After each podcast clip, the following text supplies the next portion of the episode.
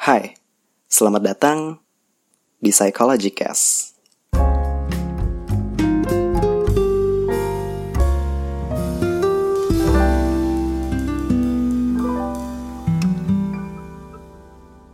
Buat kalian semua yang lagi dengerin ini, selamat pagi, selamat siang, selamat sore, selamat malam. Gak tahu kalian dengerin ini kapan. Yang jelas mau kapan dan di mana pun kalian dengerin ini, semoga hari kalian baik-baik aja. Dan di sini aku akan berusaha untuk menemani waktu kalian selama beberapa menit ke depan. Tapi di episode ini aku nggak nggak akan ngomong sendirian dan akan sedikit berbeda. Nggak kayak episode-episode sebelumnya yang aku kerjaannya cuma ngoceh doang sendirian ngomong sesampahan gitu. Di episode kali ini aku sudah mengajak dosenku yang seorang psikolog. Nama beliau adalah Dedi Susanto. Wah, kenapa Dedi Susanto? Oke, oke. Dan tahukah kalian dengan hadirnya dosenku di sini artinya di episode kali ini aku nggak mungkin hilap mengeluarkan kata-kata kebun binatang gitu seperti biasanya dan Oh gitu ya. Ah, dan aku bisa pastikan episode ini akan jadi episode yang cukup family friendly dan bisa kalian dengerin di mobil bersama keluarga kalian gitu pas lagi jalan jauh. Eh, Oke pak, buat lebih jelasnya Bapak silakan perkenalkan diri dulu, namanya siapa, terus kesibukannya apa itu? Oh, Oke, Didi Susanto tadi. Bukan. Bukan. Iya iya iya. Oke, eh, namaku Rio, lengkapnya Rio Dwi Setiawan. Eh, gelarnya empati psikolog gitu. Ini sertifik eh, tersertifikasi Oh iya dong, jelas. Nggak abal-abal yang kayak Nggak- gitu nggak ya. kayak gitu. Oke, jangan jadikan ini sesi gibah. Oke. Oke. Eh, jadi di jadi di sesi kali ini saya itu sebenarnya cukup tertarik gitu pak me- membahas mengenai dunia pola asuh atau dunia parenting gitu. Dan yang melatar belakangi saya akhirnya mengajak bapak untuk ngebahas ini karena saya udah namatin buku gitu yang judulnya The Danish Way of Parenting yang di mana bapak nih udah tahu juga kalau misalkan buku itu ngebahas mengenai cara orang Denmark adalah mendidik anak-anak mereka gitu. Yang di mana nih pak setelah saya ngebaca buku itu saya menemukan banyak banget perbedaan antara apa yang dilakukan sama orang Denmark dengan apa yang dilakukan dengan orang tua yang ada di Indonesia gitu pak. Nah makanya akhirnya saya coba untuk ngajak bapak ngobrol soal ini gitu kan, karena saya cukup sadar gitu kalau misalkan saya ngomong ini sendirian, ngoceh-ngoceh sendirian dan akan terdengar cukup menyebalkan gitu. Oh, kalau gitu saya ya? ngoceh-ngoceh akan terdengar cukup sotoy gitu. Jadinya saya ngajak bapak gitu. Oke oke oke oke. Dan menurut Bapak sendiri nih, secara umum, apakah pola asuh yang sudah diterapkan sebagian orang tua di Indonesia itu udah bener? Atau Bapak nih udah punya keresahan-keresahan sendiri gitu tentang gaya pola asuh orang tua yang ada di Indonesia? Bisa ceritain nggak, Pak? Oke, ini eh, berarti aku berangkatnya bukan dari buku itu ya, gitu ya. Ya, Kar- oke. Karena kan eh, kalau buku itu juga aku bacanya dulu tuh agak-agak lupa sebenarnya isinya gitu. Tapi ini berarti eh, pengalaman gitu ya, pengalaman dan juga eh, pengetahuan gitu yang aku punya, pengalaman di tempat praktek juga Hmm. dalam mem- apa menghadapi para orang tua ini. Kalau ditanya, udah benar nggak sih sebagian cara sebagian orang tua di Indonesia untuk mengasuh anak atau melakukan parenting gitu? Itu adalah jawabannya sudah, gitu. Oke, Surprisingly sudah gitu. Oke. Jadi banyak orang tua yang sudah melakukan cara-cara parenting yang sudah cukup benar, mungkin karena eh, sekarang aksesnya lebih bagus ya, akses untuk Oke. dapat pengetahuan itu lebih bagus kita bisa ke YouTube gitu ya bisa ke YouTube untuk melihat uh, parenting gitu banyak kelas-kelas WA juga di WA group gitu misalnya yang yang ngumpulin orang untuk kemudian mendat- mendatangkan ahli-ahli tertentu misalnya untuk untuk uh, ngisi di situ banyak uh, kayak misalnya nih di kota tempat aku tinggal aja ya di Balikpapan itu hampir sebulan sekali ada aja sebenarnya event-event untuk uh, kayak ada ahli nih entah pemerhati anak, entah psikolog, entah dokter anak gitu yang diundang oleh suatu komunitas atau mungkin uh, sekolah gitu untuk uh, ngadain uh, bicara gitu ya tentang parenting, itu parenting yang efektif dan segala macamnya. Jadi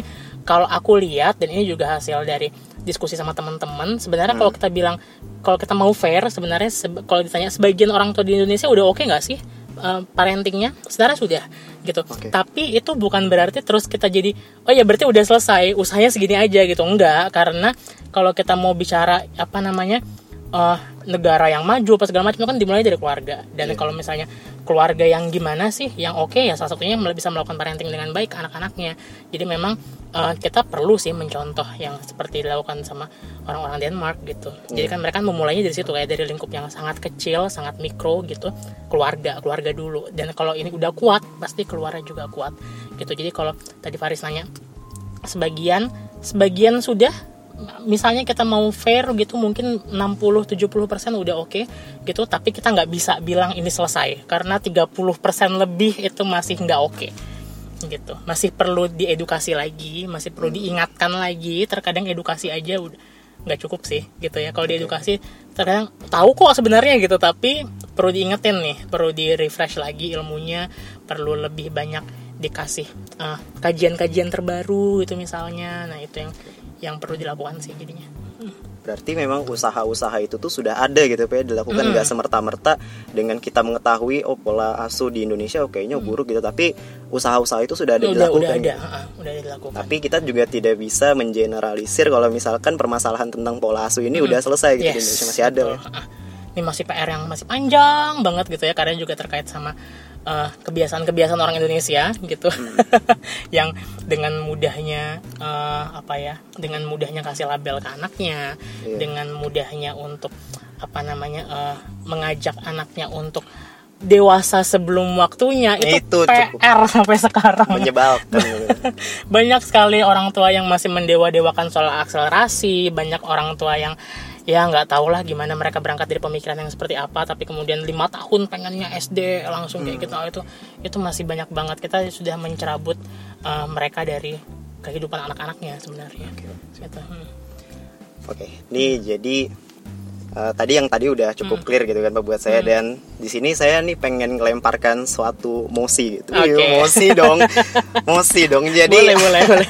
Gimana? Saya sudah kayak ngelakukan beberapa tanya jawab gitu Pak, sama teman-teman. Terus juga di salah satu aplikasi saya juga ada ngadain live terus kayak ngebahas soal ini juga. Dan saya menanyakan eh, saya melemparkan sebuah mosi apakah kalian setuju gitu? Kalau misalkan pola asuh yang dilakukan oleh orang tua di Indonesia ini masih terpatok dengan stigma harus mendidik anak-anak dengan keras gitu. Dan banyak banget mayoritas yang nontonin saya tuh mereka bilang setuju gitu. Dan oke. dan sesuai sama apa yang lagi mereka rasakan. Mereka cukup relate gitu pak dengan mosi yang saya lemparkan. Karena mereka di rumah itu orang tuanya mendidik mereka dengan keras dengan tujuan agar mental anak-anak ini bisa bisa tumbuh bisa tumbuh berkembang dengan baik ketika mereka ada di fase dewasa gitu. Dan menurut bapak nih sebagai seorang psikolog apakah uh, metode kekerasan dalam mendidik anak itu memang memang benarkah untuk mendi untuk membentuk mental yang baik atau gimana, Pak? Hmm.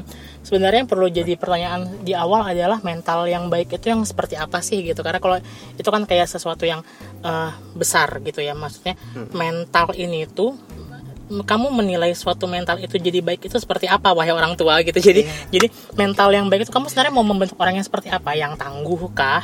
Yang cerdas kah?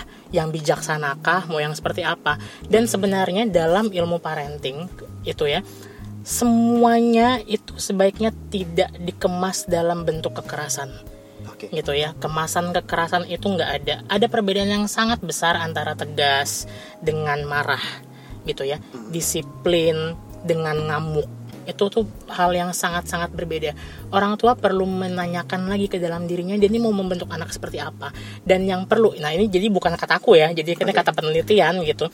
Penelitian-penelitian terbaru di di tahun-tahun 2018an kalau nggak salah oleh Christine Neff itu dia bilang gini ternyata kekerasan itu berbanding terbalik kekerasan atau agresivitas itu berbanding terbalik dengan motivasi gitu. Kita selalu mengira kita ter- terkungkung dalam suatu pemikiran bahwa kalau kita mau memotivasi seseorang kita kita kerasin nih kita genjot kita apa. Hal yang sama juga terjadi di perusahaan di berbagai setting gitu ya. Di di sekolah di perusahaan di mana pun. Mau memotivasi itu dimarah-marahin di, dikerasin dibikin acara penggojlokan gitu-gitu. Sama di orang tua juga seperti itu. Mengira bahwa dengan seperti itu maka motivasi anak ini bakal meningkat.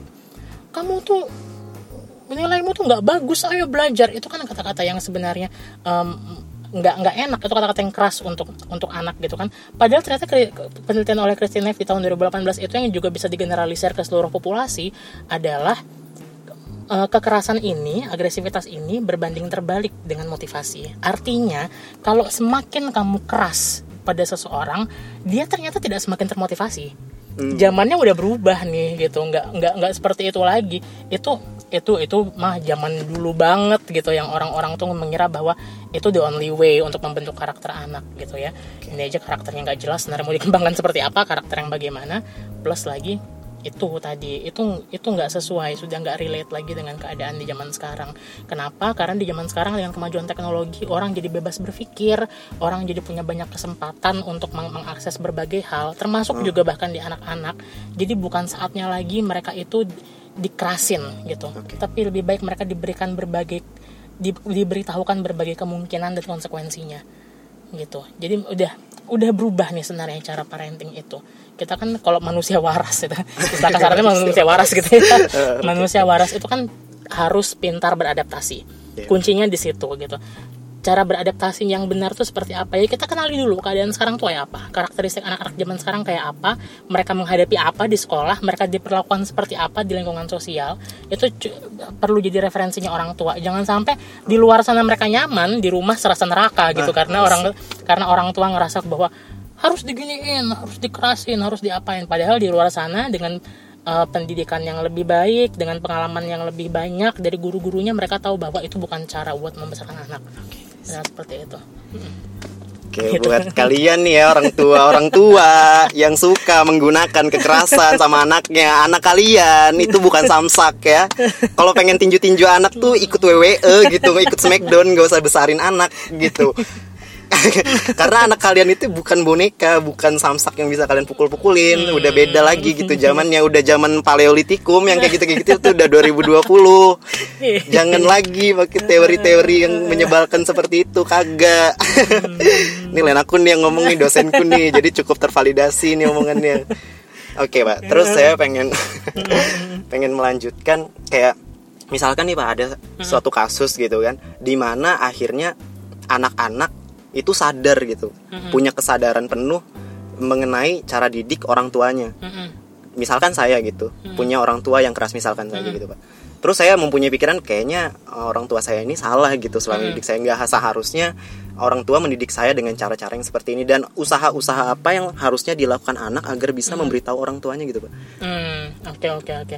Eh, biar bagaimanapun eh, kita juga terikat dalam suatu sistem, suatu norma budaya di mana kalau di Indonesia itu eh, seolah-olah kayak kasarannya tuh kayak kayak bilang gini, kamu nggak bisa menggurui orang tuamu, Ya, gitu. Karena karena biar bagaimanapun eh, kamu lebih muda dari dia, pengalamanmu lebih sedikit dan lain sebagainya, gitu. Ah, jadi ada ada kita perlu berpikir tentang gimana sih terus nih caranya mau mau kayak gimana gitu jadinya itu apakah kita terus diam saja? Oh tentu tidak gitu. Jadinya. Tapi ada cara-cara di mana kita bisa memperkenalkan nih memperkenalkan ke orang tua tentang ah, dunia parenting. Jadi yang negur tuh istilahnya bukan kita tapi kita tuh kayak ngasih ngasih jalan ke orang tua ngasih akses untuk nih kayaknya seru nih mam. Ikutan ini apa namanya ikutan parenting di sini. Eh nih eh, dosenku bikin acara parenting di sini. Dia orangnya bagus misalnya misalnya aja nih. Iya, oke. misalnya seperti itu gitu kan. Nih nih orangnya aku aku suka nih kalau dia ngomongin tentang A B C D gitu. Coba deh ikutin misalnya kayak gitu. Jadi jadi bukan kita bukan kita sebagai anak yang menggurui orang tua tapi kita memberikan akses kepada orang tua untuk bisa dapat pengetahuan-pengetahuan baru tentang eh, dunia parenting gitu. Eh, dan dan kemudian juga penting untuk eh, apa namanya eh, mengembangkan budaya literasi ya walaupun itu untuk memulai mungkin juga sulit. Dalam artian kita bisa mulai ganti nih misalnya. Ada ini soalnya pengalaman-pengalaman di beberapa teman-temanku juga. Mereka mulai ganti hadiah ke tem- ke orang tuanya misalnya dengan buku.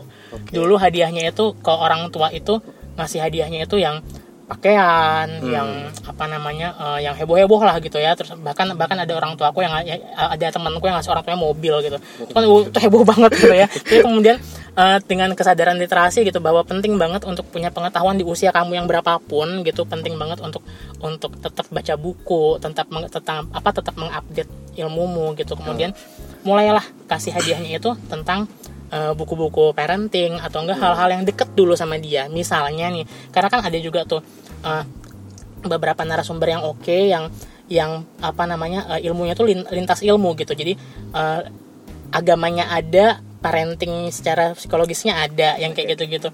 Kita tahu nih oh mam mamaku nih suka banget dengar ceramah-ceramah. Nah kita pilihkan ahli-ahli yang seperti itu. Mereka kan juga punya buku punya punya YouTube punya apa yang seperti itu yang bisa kita eh, sarankan gitu ke orang tua. Dan itu bakal lebih klik sama orang tua kita. Apalagi kalau misalnya mereka eh, ya itu tadi ya gemar gemarnya tuh sama yang agak-agak agama-agama gitu. Nah itu Hmm. bisa tuh tapi yang juga punya ilmu yang bagus gitu.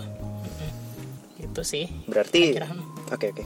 Berarti saya potong ya. Berarti ini sebagai seorang anak kita harus pintar juga gitu kayak cari bridgingnya itu harus oh iya pintar harus tentu. menjembatani iya. apa yang pengen kita sampaikan itu nggak semerta-merta mah kayaknya mama salah wah selesai Ah, gitu ah, ya ah, ah, ah. Kita gitu bakalan kita bakalan dicap sebagai anak durhaka dan akhirnya diskusi itu nggak jalan gitu kan yes. Ha-ha. suatu ilmu kan nggak mungkin bisa di apa ya ilmu itu kan kayak kalau katanya Rasul gitu kan Oke. ilmu itu kan nggak nggak kayak eh, kayak air yang yang enggan sama bukit atau gunung atau apa gitu ya. Pokoknya aku dapat dapat kesan bahwa eh, dia nggak mungkin ngenain ke atas kalau kamu sombong gitu. Nah kita sebagai anak yang mungkin tahu punya ilmu yang lebih banyak gitu ya kita kita nggak bisa mengalirkan ilmu itu kalau kita tuh selalu bertindak kayak orang yang superior lebih tahu lebih wah pengetahuannya gitu. Kita, kita perlu untuk merendahkan diri untuk bisa ya itu mengalirkan ilmu itu kepada orang-orang di sekeliling kita jadinya gitu Hmm, oke. Ini cukup cukup tercerahkan gitu buat saya karena memang di beberapa kasus kayak banyak banget kemudian yang anak-anak tuh mulai sadar gitu apalagi yang kayak anak-anak seusia saya gitu kan Bang, 20 20 ke atas itu tuh kayak mulai sadar gitu dengan cara didikan orang tuanya yang kayaknya cukup toksik oke. Cukup toksik untuk diikuti gitu. Tapi akhirnya kemudian mereka tidak bisa untuk menyuarakan itu dan akhirnya berujung kayak pada perlawanan dan pembangkangan gitu. Hmm, oke oke oke. Instead of menjelaskan, akhirnya mereka kayak mulai melawan orang tuanya dan menurut saya ini kayak juga salah gitu. Walaupun orang tuanya salah, tindakan si anak ini pun salah juga gitu kan Pak Irin. Bisa jadi sih dan dan apa namanya eh, penting juga buat buat mulai berpikir bahwa ini bukan lagi tentang membenarkan sikap orang tua pada kita gitu. Tapi bisa jadi ini adalah sudah saatnya kita untuk punya ilmu ini punya ilmu parenting yang bagus ini untuk kita gunakan di keluarga kita. Keluarga yang bakal kita bentuk gitu ya. Jadi jadi eh, kalau kita terlalu merubah berusaha buat merubah merubah orang tua kita yang udah yang mereka tuh udah punya default setting dari zaman dahulu kala gitu. Yang yang nggak bisa serta merta kita ubah kita perlu trik dan kesabaran untuk bisa untuk bisa apa ya menyampaikan hal-hal baru pada mereka yang itu juga bisa jadi mereka teri nggak terima gitu karena default settingnya tadi udah dari berpuluh-puluh tahun yang lalu gitu. Mungkin udah saatnya kita mengubah energi apa mengalirkan energi ini ke ke hal yang lain yaitu oh ini oke aku udah tahu nih ilmu parenting yang bagus benar kayak apa ini yang bakal aku pakai aku cita-citakan bakal aku pakai untuk keluarga kelak. Nah jadi gitu. Jadi akhirnya kita mutus mata rantai mata rantai jadi kita, kita perlu berpikir lebih besar gitu ya. Kalau memang nggak bisa berhenti di sini nggak bisa kita hentikan yang yang ini kita hentikan yang akan datang. Jadinya kita putus mata rantainya gitu tuh jadinya. Ya ini ini ini menarik nih Pak. Ini karena penjelasan yang Bapak sampaikan barusan ini eh, sangat-sangat sama dengan apa yang sam- saya sampaikan waktu itu. Jadi waktu Oh, itu oke. saya Hmm. ada sempat buka diskusi tapi pembahasannya agak beda gitu, Pak. Jadi tentang ospek gitu. Jadi pembahasan Oh. kemarin tentang ospek. Ada maba nih yang nanya sama saya katanya, "Bang, ini gimana sih Bang cara kita ngasih tahu kalau misalkan eh, kegiatan ospek yang dilakukan sama kakak tingkat kita ini salah gitu." Hmm. Dan saya akhirnya bilang eh, kita kita tidak bisa menegur tapi kita bisa memulai menyadarkan diri kita dulu. Kalau misalkan tindakan kakak tingkat kita salah dan kita sebisa mungkin memutus mata rantai itu mata rantai menyebalkan itu kita sendiri Iya. yang putus dan kita memulai yang baru gitu. Jangan sampai kita terikut dengan mata rantai itu. Jadi yes betul. jadinya malah kayak lingkaran setan gitu Iya, ya. gitu gitu lagi gitu gitu lagi. Sip, satu frekuensi berarti. Satu frekuensi, cocok jadi dosen ya cocok cocok boleh lanjutkan Oke, sekarang eh, karena dasar kita masuk ke poin-poin gini ya, Pak. Poin-poin yang pengen saya bahas. Jadi di sini udah yang saya buat poin-poinnya yang berdasarkan dari buku The Dennis Way of Parenting itu sendiri. Jadi di dalam bukunya itu ini buat kalian yang belum tahu juga yang belum pernah baca bukunya juga dan ada keinginan untuk baca, aku pe- kasih gambaran sedikit. Jadi di dalam buku itu poinnya adalah menjelaskan mengenai poin-poin dari tiap-tiap huruf dari kata parent P P A R E N T itu mempunyai maknanya sendiri-sendiri gitu dan di sini kita bakalan ngebahas satu-satu mulai dari P. Jadi P di sini digambarkan dalam buku itu adalah kata dari play dan play di sini diartikan sebagai tentang bagaimana bermain itu justru akan menciptakan uh, orang dewasa yang lebih bahagia, mudah beradaptasi dan tangguh. Dan sedangkan di sini di realita di Indonesia yang terjadi anak-anak. Bukannya dikasih main di luar tapi dikasih main gadget main TikTok main ML makan tuh bagaikan langit challenge itu anak anda. Main TikTok kayak kerjaan. Karena di situ pak yang akhirnya jadi keresahan saya gitu. Kadang tuh beberapa orang tua karena takut membiarkan anaknya bermain di luar jadilah memanfaatkan teknologi untuk membiarkan anaknya bermain di dalam rumah gitu Pak Oke. dan berfokus sama gadget yang di mana seharusnya dari ilmu yang sudah saya pelajari gitu kan Pak di kampus anak-anak itu seharusnya dibiarkan bermain sama teman-teman sebayanya gitu. Pak ada eh, ada kegiatan fisik yang dilakukan sama teman-temannya gitu. Nggak serta merta mereka bermain nih mereka bermain tapi mainnya sendiri doang main solo gitu sama HP nah menurut bapak tanggapan bapak mengenai itu gimana?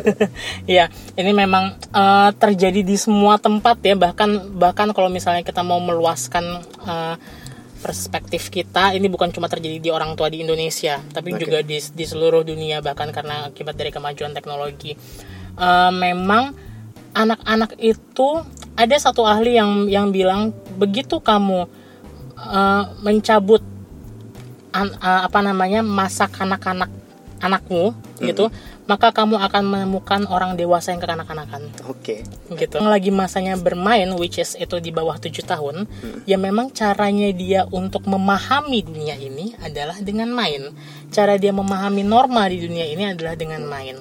Permainan itu kan adalah aktivitas yang tidak punya konstrak Iya. karena itu dia tidak akan stres apa namanya eh, terus habis itu me- menyerap berbagai hal tanpa adanya batasan-batasan tertentu maksudnya itu batasan-batasan tertentu tuh eh, harus begini harus begini harus begini. Enggak kan mereka mereka soalnya kan mikirnya kan itu adalah main yang menyenangkan hal yang, Iya. yang, yang yang kayak gitu yang bakal bikin mereka jadi eh, merasa senang gitu. Kalau kita bicara dari fungsi motorik juga eh, cara gimana sih cara anak itu mendapatkan eh, bisa bisa belajar dengan baik? Karena mereka bisa mengobservasi dengan baik gimana cara mereka bisa mengobservasi dengan baik? Yaitu kalau mereka eh, di eh, semua indranya ini diaktifkan termasuk juga ototnya untuk bergerak supaya bisa mengeksplorasi lingkungan. Gitu. Jadi kita mikirnya jangan cuma produk gimana supaya nih anak bisa belajar gitu. Nih produk butuh modal. Modalnya itu observasi modalnya observasi eksplorasi gitu. Jadi bermain ini bakal mengembangkan kemampuan eksploratif mereka gitu. Mereka bisa explore dunianya bisa tahu oh ternyata kalau misalnya nginjak rumput rasanya kayak gini kalau misalnya aku nginjak tanaman berduri apa yang harus aku lakukan?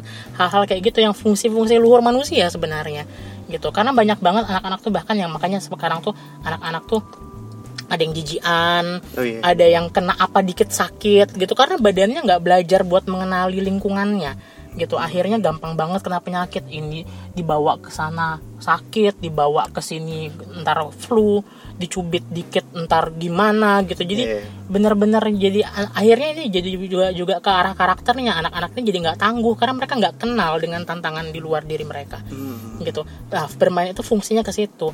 Plus lagi fungsi interaksi misalnya. Dengan bermain punya temen ini bakal sangat berbeda dengan kalau misalnya kita cuma sekedar bermain sama eh, handphone sama gadget gitu ya. Itu kan cuma satu arah. Iya. Nah, sementara kalau misalnya kita main yang benar-benar main outdoor, kejar-kejaran, ada temennya, nah itu kan kita ada fungsi interaksi yang terjadi di situ. Dari situ juga mereka belajar tentang norma, mereka belajar tentang perbedaan gender di situ. Oh ternyata eh, apa namanya, kalau aku laki-laki berarti aku punya tugas untuk lebih melindungi yang perempuan karena badanku ternyata lebih kuat. Itu itu itu diketahui dengan oleh mereka tanpa didefinisikan dengan kata-kata gitu. Tapi karena mereka melihat melakukan hal-hal tersebut setiap hari pada saat bermain. Itu jadi mereka akhirnya punya settingan-settingan sendiri di kepalanya tanpa perlu terlalu banyak dikasih tahu dikasih tahu pun tanpa ada pengalaman itu mereka bakal bingung kenapa sih aku harus melindungi perempuan? Gitu. Mereka nggak tahu bahwa tubuh mereka lebih kuat misalnya yang yang apa namanya yang laki-laki ini. Begitu mereka menghantam sedikit tuh tuh anak cewek jatuh tapi yang anak cewek menghantam mereka mereka bisa berdiri tegak. Itu kan sudah istilahnya ya sudah sudah fitrah sudah fitrahnya manusia yang sebenarnya bisa mereka pelajari dengan bermain nah gitu tuh jadi jadi fungsi bermain tuh sampai sampai sepenting itu. Bahkan ada ahli dari Prancis itu yang yang meneliti aku lupa namanya siapa penelitian di tahun udah lama sih itu sebenarnya penelitian itu kayak tahun 30-an gitu penelitian jadul lah sebenarnya. Jadi zaman dulu aja udah udah udah tahu tuh orang-orang sebenarnya. Eh, ternyata IQ anak yang bisa manjat pohon itu lebih bagus daripada IQ anak yang nggak bisa manjat pohon gitu. Ya anak bisa manjat pohon gara-gara apa ya? Gara-gara mereka main kan gitu. Jadi jadinya dan ternyata mereka berkembang jadi anak-anak yang lebih cerdas dibandingkan anak-anak yang nggak bisa manjat pohon. Gitu tuh jadinya. Itu satu aktivitas aja tuh manjat pohon. Tapi dari situ aja mereka udah dapat daya eksplorasi yang luar biasa. Gitu. Akhirnya mereka juga bisa menyerap ilmu dengan lebih baik. Gitu tuh oke. jadinya. Nah ini jadi bermain itu kayak memang salah satu salah satu instrumen yang penting gitu kayak untuk perkembangan anak gitu. Iya. Dan di buku itu tuh juga ditekankan gitu pak. Jadi ada salah satu quote yang saya tuh cukup senang di buku itu tentang bermain ini. Jadi quote-nya itu kayak gini. Kadang orang tua menganggap fase bermain sebagai masa peralihan dari belajar. Padahal Oke. bagi anak masa bermain itu adalah fase belajar yang sesungguhnya. ya dalam saya pas baca itu kayak wah sangat sangat tercerahkan itu cara anak belajar ya bermain itu ya jadinya. Bener. oke ini jadi buat kalian yang dengerin ini memang bermain itu penting gitu untuk fase perkembangan anak tapi kalian sebagai anak juga tahu diri gitu kan kalau main ya juga jangan offside juga kalau habis maghrib ya udah di rumah gitu jangan ngejar layangan makan pentol ke masjid tuh rusuh-rusuh doang tuh jangan juga kayak gitu dengerin juga kata orang tua. Main boleh tapi pada batasan wajar gitu. Jangan kalian habis dikasih tahu kayak gini oh main nih boleh nih habis dengerin podcastnya bang Paris nih. Main itu penting buat anak. Kagak gue ampar lu. Oke terus yang kedua nih pak. Hmm. authenticity. Mm-mm. Dari kata parent PA tadi P sudah play terus yang kedua A authenticity. Jadi authenticity di sini men- menitik beratkan pada kejujuran. Jadi Oke. kejujuran mampu menciptakan citra diri anak yang lebih kuat. Juga di sini di dikaitkan tentang pujian juga pujian yang diberikan oh, dari orang tua kepada anak yang akhirnya pujian ini bisa digunakan untuk membentuk pola pikir anak bertumbuh dan tidak kaku dan akan membuat anak menjadi lebih tangguh dalam menghadapi permasalahan di usia dewasa kelak. Dan realita oke. yang saya temukan di Indonesia orang tua sering sekali berbohong sama anaknya gitu pak. Bahkan tuh kayak masalah-masalah sepele gitu pak. Hmm. ini misalkan nih yang saya alamin gitu kan pak yang saya alamin ketika saya kecil sesepele beli mainan gitu pak. Hmm. jadi kadang orang tua saya tuh kayak suka bohong-bohong gitu sama saya. Kadang tuh saya tuh kan pengen beli mainan ya sebagai anak kecil yang polos dan tidak tahu apa-apa saya mah pengen beli ini dong. Terus orang tua saya itu kan karena saya nggak nggak pengen saya beli mainan ini akhirnya tuh jadi kayak bohong-bohong gitu sama saya kayak Mas ini mainannya nggak dijual kan mas? Gitu malah bilang ke penjualnya Mas ini mainannya nggak dijual kan? Terus matanya sambil menceleng-celeng gitu. Jadi mas-masnya takut dong. Terus mas-masnya bilang oh iya bu, sepertinya ini tidak dijual bu. Sepertinya saya salah ada di sekolah ini gitu. Jadinya saya ya mau nggak mau ya elah mau gini lagi gini lagi gitu. Jadinya kagak kebeli dan saya ngerasa kejujuran ini tuh dari hal-hal kecil aja udah sering dilakukan sama orang orang di Indonesia gitu pak. Hmm. Dan menurut bapak nih gimana pak mengenai kejujuran? Ini sebenarnya bisa dikaitkan sama masalah konsistensi dalam pengasuhan sih. Jadi jadi sering kali tuh eh, orang tua menggunakan cara-cara ini untuk menakut-nakuti untuk mencegah suatu perilaku tertentu itu dilakukan gitu dan kalau kalau tadi yang aku bilang masalah eh, konsistensi itu maksudnya mereka tuh sekedar nakut-nakutin tapi nggak tapi nggak dilakuin juga dan itu kan juga bagian dari nggak jujur ya Oh iya. jadinya ya jadi jadi apa namanya "Eh, awas jangan jangan begitu loh nanti nanti nggak mamah iniin ya padahal nggak dilakuin juga tuh sama sama mamahnya gitu. Oh iya, nah bener. kalau misalnya eh, ada hal-hal yang tidak konsisten gitu dalam dalam pengasuhan itu akan mendorong anak untuk memberontak gitu ya. Karena dia melihat bahwa oh apa yang dikasih tahu oleh orang tuaku itu nggak bener kok gitu. Di di di batasan-batasan eh, usia tertentu mereka bakal mulai mengembangkan pikiran ada yang namanya bohong ada yang namanya apa namanya eh, ada yang namanya hal-hal yang tidak benar-benar terjadi gitu. Nanti se- seiring dengan perkembangan usia mereka mereka bakal semakin aware dengan itu gitu.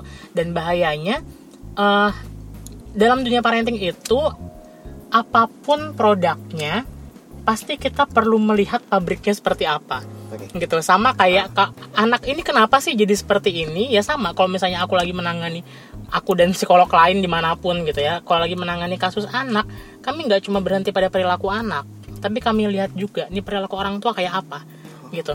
Karena si pabrik dalam artian si orang tua itu pasti bakal ditiru apa bakal menjamin kualitas si produknya yaitu anak gitu. Kalau orang tua udah terbiasa untuk ber- mengatakan hal-hal bohong mengajarkan norma-norma yang tidak baik mau nggak mau pasti anak bakal ngikut gitu.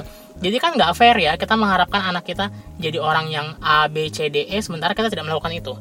Oh, iya. gitu Eh, itu kan bagian dari eh, kejujuran juga jadinya ya eh, menurutku. Itu sih jadi memang eh, masih dipakai cara-cara seperti itu tuh sama sama orang tua yang mereka itu menghindari kejujuran gitu. Menghindari kayak tadi yang yang yang yang Faris eh, apa namanya? Alami. eh, alami tadi ya. Eh, apa orang tuanya Faris lebih memilih untuk eh, bilang bahwa itu nggak dijual pas segala macam. Padahal kenyataannya kan tidak seperti itu. Iya. gitu.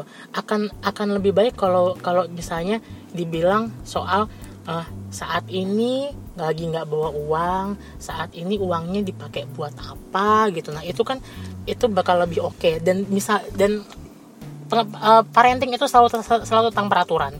Kalau kita mau bicara masalah peraturan berarti kita perlu menyampaikan itu, itu di awal. Berarti kita perlu bilang ke, ke, ke anak kita bahwa sekarang jalan tapi nggak beli mainan ya. Ah, oke. sampaikan di awal gitu. Kalau kalau memang lagi lagi nggak mau beli mainan. Karena kita sebagai orang tua kemudian sadar bahwa di sana banyak mainan yang kira-kira bisa menggoda dia dan itu adalah hal yang tidak mungkin dihindari. Nah sam- sampaikan aja di awal bahwa nggak beli mainan ya saat ini ya. Oke deal gitu.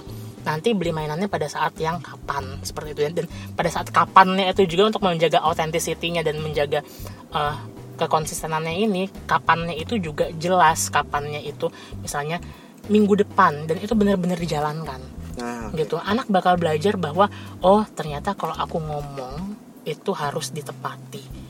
Anak-anak bakal bakal belajar soal kejujuran juga akhirnya di situ. Nah akhirnya kan kelihatan kan bahwa yang harus dibaikin ini sikap siapanya dulu sih sikap orang tuanya dulu. Jangan berharap anak kita bakal jadi A kalau kita nggak menjalankan A. Gitu sih jadinya. Itu tanggapanku ya soal poin A nya Oke oke. Jadi eh, hubungan kausalitas sebab akibat itu sangat-sangat ter dijalankan gitu ya dalam Heeh, heeh. dunia parenting itu. ya. iya betul Oke. gitu Cukup menjelaskan nanti saya akan marah-marahi mama saya. Oke, kita masuk ke poin ketiga. Soal reframing. Nah, poin reframing ini yang menurut saya cukup cukup membuat saya tuh sedikit tergelitik gitu bagi ginjal kiri saya ini karena gimana tentang reframing ini kan di dalam buku itu dikatakan memaknai ulang gitu pak. Memaknai ulang setiap tindakan perilaku yang dikeluarkan oleh anak. Dan biasanya di sini eh, yang dilakukan oleh orang-orang tua di Denmark adalah mereka tidak menyatukan antara sikap dengan eh, dengan karakter anak gitu. Jadi ketika anak ini mungkin akan terlihat nakal oleh sudut pandang orang ketiga tapi orang tua di Denmark tidak akan mengatakan kalau anak mereka nakal gitu. Mhm. dan tidak akan mengatakan teman anak mereka itu kalau misalkan wah ke sana kemari terus berantakin mainan itu tidak akan mengatakan kalau misalkan ah, teman mereka itu anak nakal gitu. Mhm. jadi mereka akan sangat-sangat memisahkan antara sifat dengan orangnya gitu. Ya sedangkan yang terjadi di Indonesia adalah eh, di orang tua di Indonesia menurut saya nih pak menurut pandangan sotoy saya kayak cukup gampang gitu cukup gampang untuk melengketkan antara sikap dengan orangnya gitu. Ah ini anak nakal nih wah ini anak nih kayaknya ada tendensi untuk jadi pencuri nih. Wah, kenapa, kenapa Iya, seperti iya. itu? Gitu. Yang gitu gitu pak. Dan menanggapi fenomena seperti itu bapak gimana nih pak tanggapannya? Eh, orang tua di Indonesia ini juga juga masih masih sama sih apa namanya eh, maksudnya itu terjadi di semua tempat juga gitu. Memang ada kecenderungan untuk memberikan label itu bukan itu serta merta gitu. Jadi memberikan label ini tuh kayak se- kayak seolah-olah anak itu sepenuhnya seperti itu.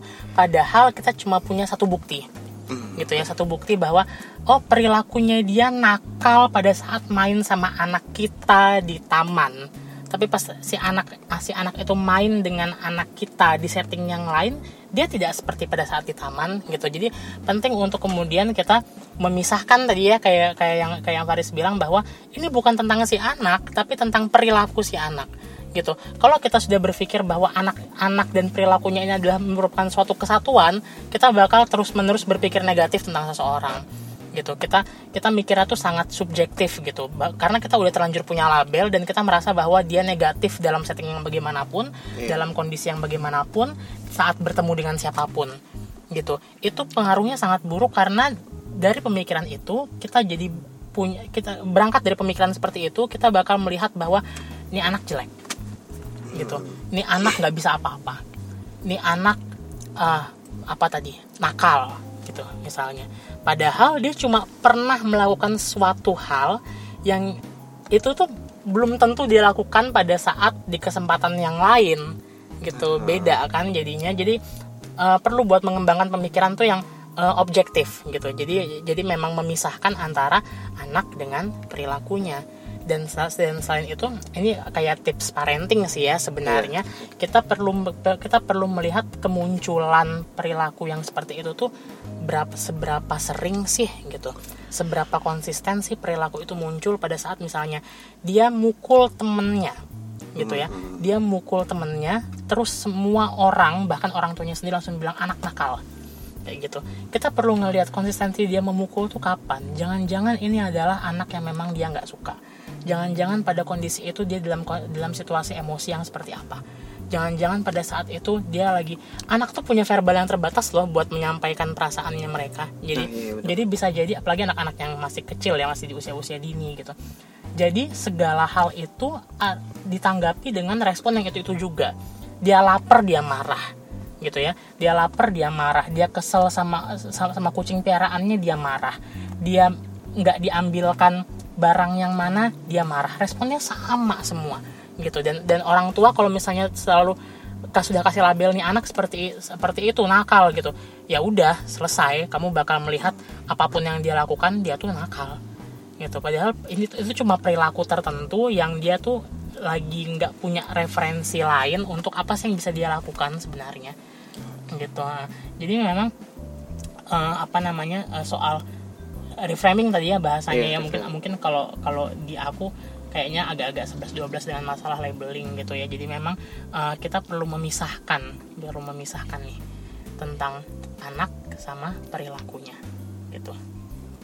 Berarti benar-benar kita nggak boleh menjustifikasi mengatakan mm -mm. anak nakal tuh benar-benar nggak boleh. Ya. Sangat-sangat tidak boleh. Nggak boleh karena begitu nanti dilabel mm -mm. dan dia besar dengan itu, dia bakal merasa bahwa itulah dia ya nah. itu akhirnya nanti akan tertanam di alam bawah iya, sadarnya dia betul. kan ha -ha.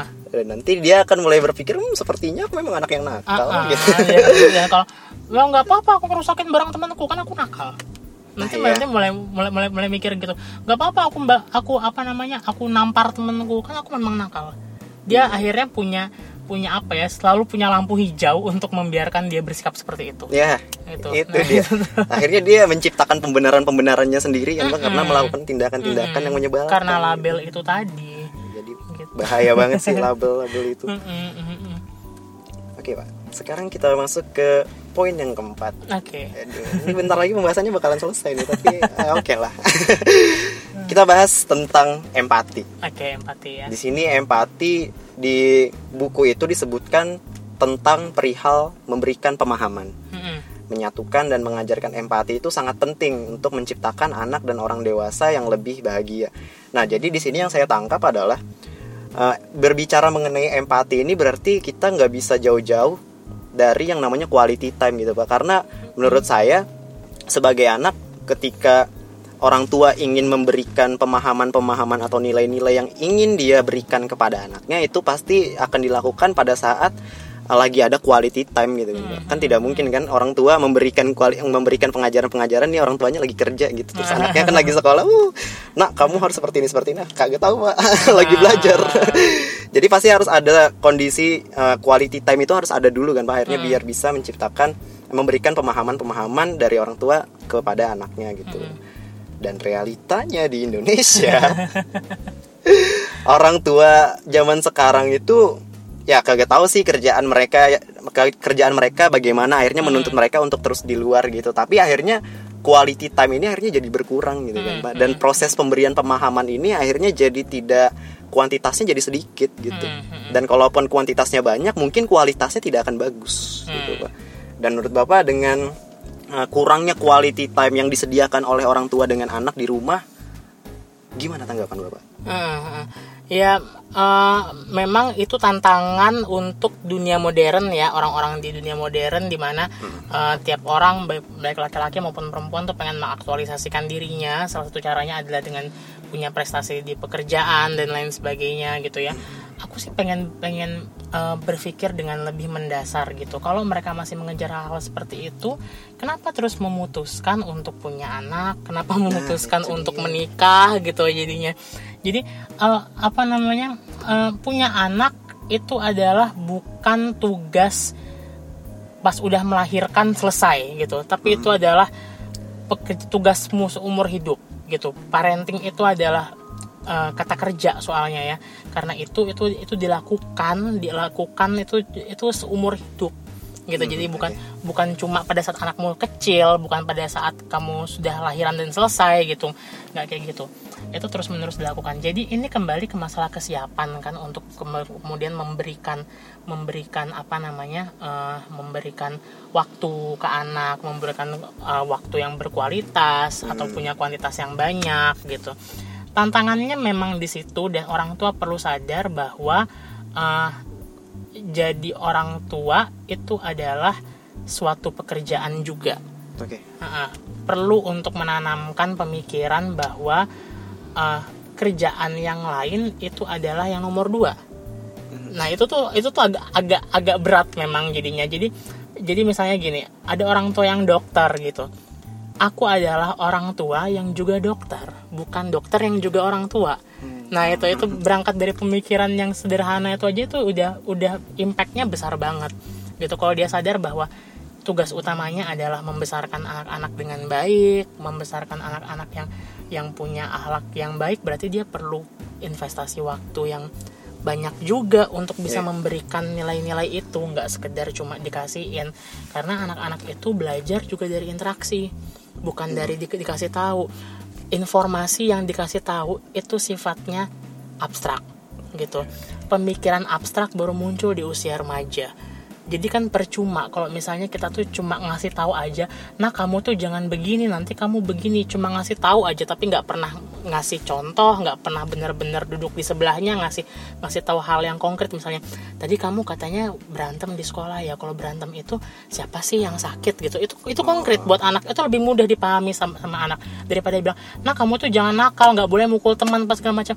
Anak-anak di usia yang belum nyampe ke pemikiran abstrak bakal apaan sih itu maksudnya gitu? Dia dia nggak apa mukul teman itu yang gimana yang itu yang gimana gitu nyakitin orang itu yang gimana. Karena dia belum melakukan itu. Tapi orang tua sibuk aja dengan ngasih nasihat-nasihat dulu apa segala macam. Akhirnya gagal paham nih nih anak gitu ya bahasa bahasa gampangannya mungkin. Karena pemikirannya belum nyampe. Mereka belum remaja remaja aja baru mulai terbentuk tuh masalah eh, abstraksi di dalam pikiran gitu. Apalagi kita boro-boro cuma ngandalin ngasih nasihat aja ke anak gitu. Nggak nggak nggak bisa. Kita perlu duduk di sebelahnya ngelihat. Kan berarti kan kalau dia pemikirannya konkret berarti kan harus belajar dari pengalaman. Kita perlu tahu pengalamannya dia apa gitu. Iya, gimana kita tahu pengalamannya dia apa kalau kita pun nggak punya waktu buat nanya dia tuh pengalamannya apa hari itu gitu ya. Jadi kelihatan ya ini masalah kualitas dan kuantitas itu perlu untuk eh, sama-sama dipenuhi tantangannya tantangannya tadi manusia modern kalau mereka memang masih mau meng- mengaktualisasikan diri penting untuk berpikir mana yang jadi prioritas kamu? Gitu. Siap nggak kalau misalnya prioritas kamu adalah pekerjaan berarti anakmu suatu saat bakal jadi musuhmu. Nah siap nggak untuk untuk seperti itu? Karena ke, ya nggak fair loh kalau anak yang disalahin padahal padahal kita yang salah gitu. Sebagai orang tua kita yang kurang investasi waktu kurang kasih pendekatan. Gitu tuh jadinya Oke, jadi waktu untuk anak itu kalau bisa disediakin gitu ya. Walaupun sibuk nyari duit Hmm. tapi anak ini loh, kedekatan emosional sama anak ini tuh yang enggak Prioritasnya yang mana nih gitu nggak bisa dibeli pakai duit ya. Mm-mm, yes Oke, kita masuk ke poin yang kelima. N, N. no ultimatum. Nah, Oke. jadi ini yang cukup yang cukup pengen saya tanyakan kedua gitu setelah Hmm. yang reframing tadi gitu. Jadi eh, banyak banget. Ini akhirnya kembali lagi ke pertanyaan saya yang pertama gitu, yang Hmm. stigma orang tua akhirnya pakai kekerasan gitu. Hmm. Dan orang tua di Denmark sangat-sangat tidak menganjurkan dan sangat-sangat tidak akan melakukan tindakan kekerasan pada anaknya Hmm. ketika memberitahu nggak akan make tinju, nggak akan menabok, nggak akan pakai kekerasan fisik gitu. Hmm. Sedangkan ya di Indonesia kita tahu sendiri ya masih, masih, masih. ada gitu. walaupun nggak pakai fisik nih, walaupun nggak pakai kekerasan fisik, tapi mereka menggunakan uh, kekuatan verbal dan akan mengeraskan suara mereka gitu pak. Dan menurut saya orang tua orang tua ini berpikir dengan mereka menguraskan suara mereka itu akan membuat mereka menjadi benar gitu. akan meminta memaksa anak-anak nih suara bapak nih makin keras berarti bapak nih udah benar gitu kamu jangan ngelawan ngelawan bapak Ah, gitu. ah, ah. Mengeraskan suara belum lagi kalau misalkan makin emosi akhirnya main tabok main tabok tabok gitu. Nah. Yang pengen saya tanyain itu uh, dampak negatifnya pak dampak Hmm. negatif dari orang tua yang akhirnya terbiasa untuk me- menendang melakukan kekerasan fisik pada anaknya dengan alasan-alasan ya ini untuk pelajaran buat mereka ini untuk melatih Hmm. mental mereka juga nah ini pendapat bapak gimana mbak? Soal yang kayak gini kayak gini. Dampaknya kalau misalnya ini tidak terselesaikan dalam artian anak ini tidak punya waktu untuk pulih dan tidak punya referensi lain selain orang tuanya dan itu sering kali terjadi pada usia anak ya. Gara-gara ya anak kan cuma ngelekat ke orang tua soalnya gitu kan. Kalau apalagi kalau ternyata ini orang eh, ini keluarga gitu adalah keluarga yang pindah ke kota lain yang di situ tuh nggak ada keluarganya akhirnya referensinya anak kan cuma tentang orang tuanya Hmm. gitu ya. Ini anak bakal berkembang ke kalau kata ahli parenting itu ke kutub-kutub entah yang kiri entah yang kanan.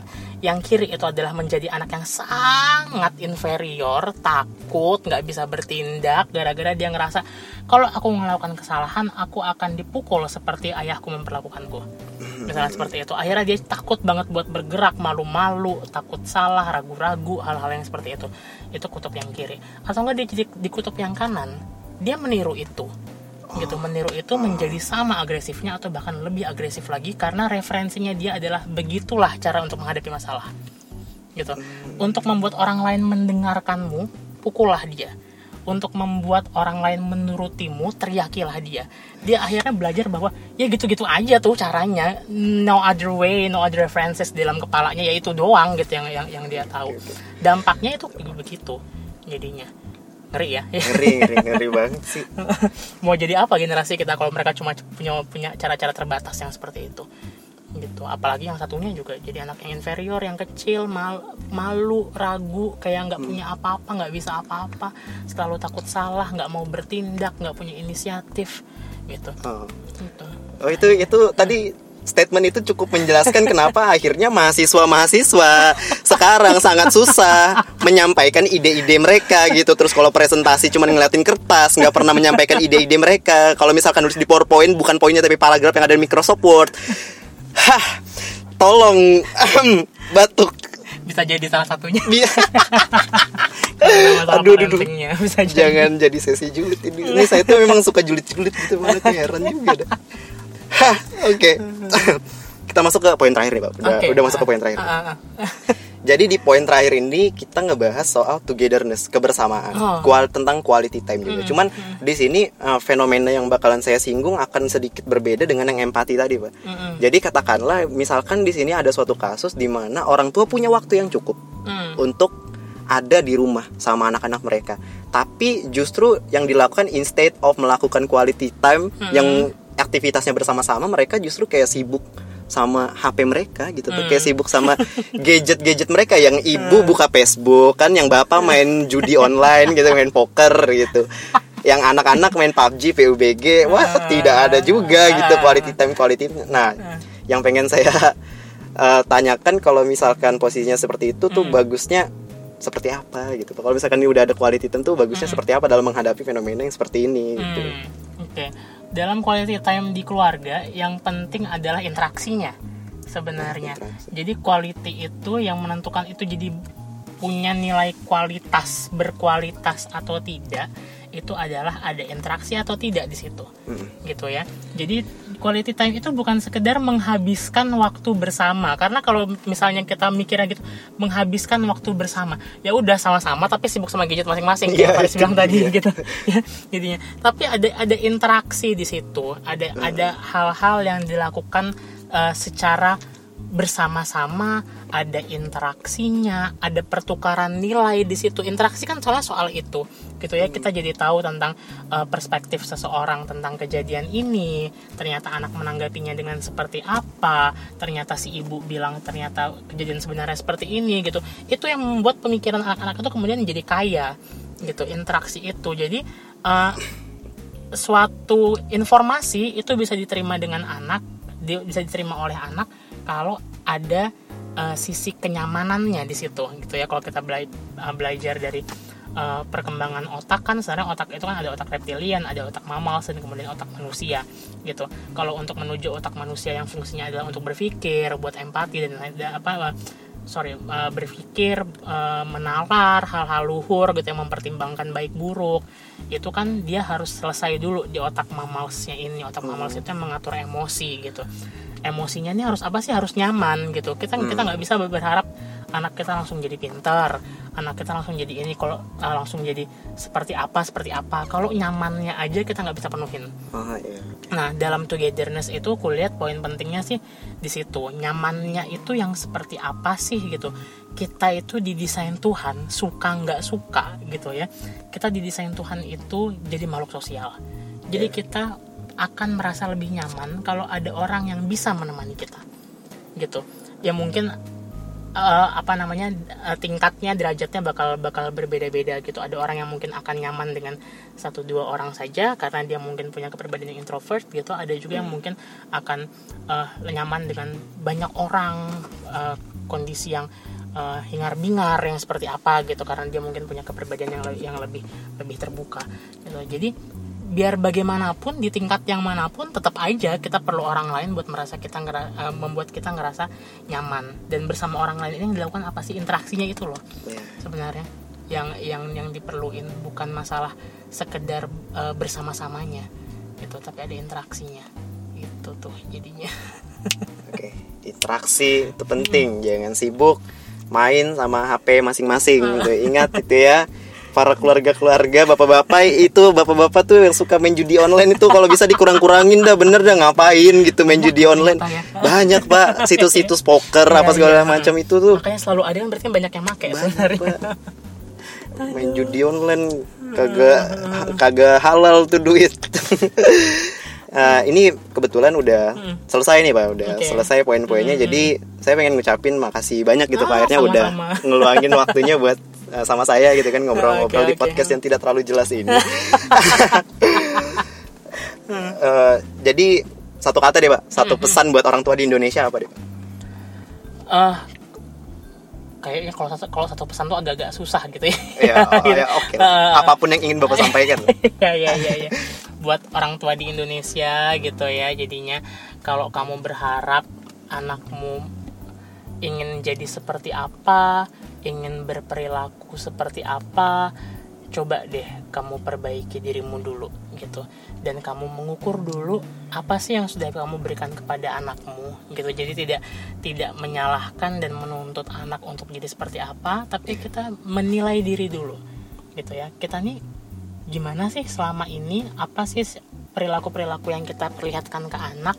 Apa sih uh, apa namanya uh, hal yang baik atau buruk di dalam pola pengasuhan kita gitu. Jadi hmm. anak itu produk biar gimana pun pabriknya itu para orang tua gitu. Produk itu nggak nggak mungkin jelek kalau nggak produk itu nggak mungkin bagus kalau pabriknya jelek gitu. Jadi perbaiki diri dulu semua dimulai dari diri kita sendiri dulu gitu tuh. Jadi untuk jadi orang tua itu adalah tugas yang berat memang tapi kalau kamu mau uh, merevisi dia merevisi bukan merevisi ya jadinya ya. Kalau kamu mau memperbaiki. kalau kamu mau memperbaiki dirimu mengembangkan hmm. dirimu itu tugas yang berat tapi bisa dilalui. Gitu. Hmm. oke udah tuh pak. Sampai situ aja. Uh, oke okay, sebagai penutup ini udah berapa sih? Wah, udah 53, udah lama sekali. ya. nah, jadi sebagai penutup uh, aku pengen coba menyampaikan satu ungkapan yang aku nggak tahu dari siapa, tapi ungkapannya ini cukup bagus gitu. Kalau misalkan kalian tahu ungkapan ini dari siapa, bisa langsung typing tuh kasih tahu siapa gitu. Jadi ungkapannya itu seperti ini: ketika kita memaksakan sesuatu kepada anak, maka kemungkinannya akan dua. Akan ada dua hal yang terjadi. Satu, si anak gagal dan kemudian dia akan depresi. Kemungkinan yang kedua adalah si anak akan berhasil tapi berakhir dengan membenci orang tuanya. Sekian dari apa yang bisa aku sampaikan di episode kali ini. Uh, makasih banyak sampai ketemu di episode-episode selanjutnya. Bye.